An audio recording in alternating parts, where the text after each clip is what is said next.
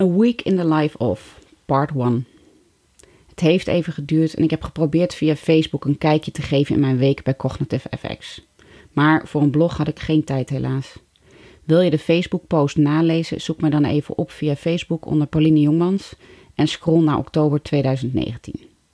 Dus, beter laat dan nooit, volgt hier een klein inkijkje in mijn drukke week therapie. Even wat kanttekeningen vooraf. Toen ik mijn schema kreeg, zag ik mezelf op geen enkele manier dit volhouden. Maar vol vertrouwen, gebaseerd op veel ervaringsdeskundigen, heb ik besloten er met een open vizier in te stappen. Het feit dat ik de kans kreeg om dit te gaan doen is zo bijzonder dat ik geprobeerd heb alle parameters zo te zetten dat ik vol overtuiging tijdens de eerste gesprekken bij Cognitive FX kon aangeven dat ik alles zou doen en zij mij heel hard mochten laten werken. En dat is gelukt. Met mijn lieve Gert heb ik de afspraak gemaakt dat hij mij aan het eind van elke dag bij elkaar zou rapen, uit zou storten op de bank en ondanks welk geklaag van mijn kant dan ook, de volgende dag gewoon weer daar de toko binnen zou gooien. We hebben een appartement gehuurd waar alles rustig was en er genoeg ruimte was om de hele avond in stilte en in het donker diep zuchtend bij te komen. Ik heb alles en iedereen duidelijk gemaakt dat ik niks kon beloven met betrekking tot updates, behalve dan mijn kinderen even tijdens de lunch via FaceTime. Al deze afspraken meldde ik tijdens mijn eerste gesprek daar, met als gevolg dat er in koeienletters op het voorblad van mijn dossier kwam te staan: Very willing to work hard. Check. En zo was het ook. Mijn dossier ging bij elke therapiesessie mee en bij alles gaf ik aan dat ik maar één kans had, dus alles zou aangrijpen. De tweede kanttekening gaat over hoe de therapie is ingericht en waarom. Als je in Nederland revalideert of een andere therapie volgt, ben je meestal niet meer dan tussen de twee behandelingen per week en in extreme situaties vier sessies per dag gedurende vier dagen per week kwijt. Op basis van mijn ervaring tijdens mijn Nederlandse revalidatie. Afgelopen week heb ik ongeveer vier dagen 32 therapieën, twee functionele MRI's, een nek-MRI en hersen-MRI gehad, inclusief twee afspraken voor de uitslagen en een afspraak voor het vervolgtraject. Daar heb ik zelf nog een uur oogtherapie aan toegevoegd en voorafgaande en achteraf ook nog een uur bij de gespecialiseerde oogkliniek. Best druk, maar met een reden. De hersenen zijn slim en effectief. Dus de reden dat dit allemaal in zo'n korte tijd gedaan wordt, is onder andere dat de hersenen gedwongen worden tot nieuwe, ten opzichte van de afgelopen zeven jaar dan, tot nieuwe gewoonten. Anders zouden ze al snel steeds terugzakken in de oude niet-effectieve manier van bloed- en zuurstofvoorziening.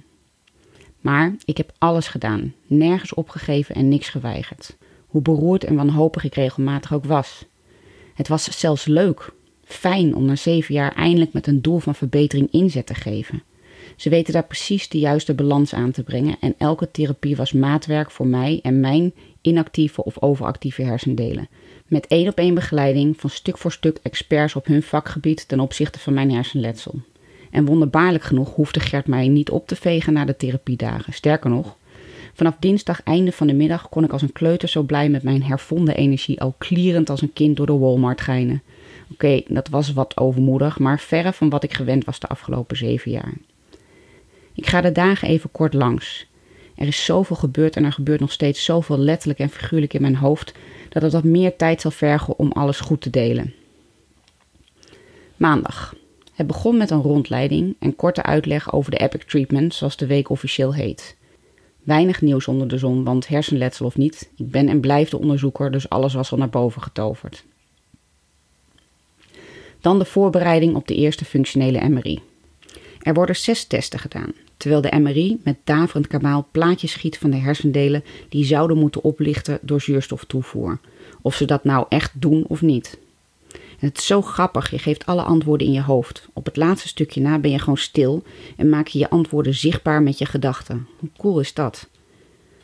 Eenmaal klaar met de voorbereidingen ging ik naar de tijdelijke mobiele MRI achter op het parkeerterrein. Er wordt een nieuwe MRI geïnstalleerd binnen, dus dit is een tussenoplossing die al betere resultaten geeft dan de oude MRI deed. Zo vertelde Brian, de MRI-expert. Nadat ik alles van metaal, best veel in mijn oren, had afgedaan en achtergelaten, werd ik in de MRI geplaatst voor het komende uur. Kussen onder mijn knieën, dekentje erover, hoofd gevangen in een plastic frame en vastgelegd met vier kussentjes die over mijn met oordoppen gevulde oren werden geschoven. Vast is vast. Na een korte, vastgebonden groet naar Gert ging de deur dicht en begon het lawaai. De eerste test ging met vier knopjes, eerlijk is eerlijk. Zo'n test met drie rijen met drie figuurreeksen, waarbij je steeds één mist die je dan moet kiezen uit vier opties. Het beeld zie je overigens via een spiegel die boven je hoofd zit en je zicht leidt naar een scherm dat aan je voeten staat. Tussen elke reeks vragen en tijdens of na een test verscheen de tekst Count Silent, wat precies betekent wat er staat in je hoofd tellen. Toen een tracking test, een veld met letters en cijfers waarbij je na de 1 de A moet vinden. Gevonden, dan druk je op een knop en moet je de 2 vinden. Dan de B, 3, C, 4, etc. etc. Volgende item, of misschien verwissel ik er twee chronologisch gezien. Woorden onthouden en herhalen. In vier setjes van acht woorden, misschien waren het er wel meer, moest ik proberen de Engelse woorden te onthouden en te herhalen in mijn hoofd. Als de woorden voorbij waren, en dat ging best snel, moest ik ze herhalen en achteraf na elke twee sets vertellen hoeveel ik er had onthouden. Toen gezichten onthouden. In vier sets van x gezichten die heel snel voorbij kwamen, moest ik zorgen dat ik na alle tests aan het eind van de MRI in een nieuwe set kon aangeven welke gezichten ik had moeten onthouden en welke ik niet eerder had gezien. Oh. Het is mij ook niet al ontelbare keren gebeurd dat ik iemand had moeten kennen, maar het niet deed. En dan een serie getekende plaatjes. Daarbij moest ik, weer in mijn hoofd, bedenken wat het was. Engels of Nederlands, dat maakte niet uit. Denk aan een slechte tekening van een tafel, zaag, kat, stoel. Van alles een hele simpele lijntekening. Als laatste test woorden die beginnen met de letter. Juist, noem zoveel mogelijk woorden met de beginletter die je krijgt in je hoofd. En noem vooral geen namen of plaatsen. Zo'n gevalletje, je mag niet denken aan een roze olifant. Juist, wat zie jij nu voor je? Maar herinner je wel hoe vaak per setje je vastliep, wat zoveel betekent dat je minimaal 5 tot 6 seconden geen nieuw woord kon bedenken. En toen uiteraard nog de gewone hersenemerie.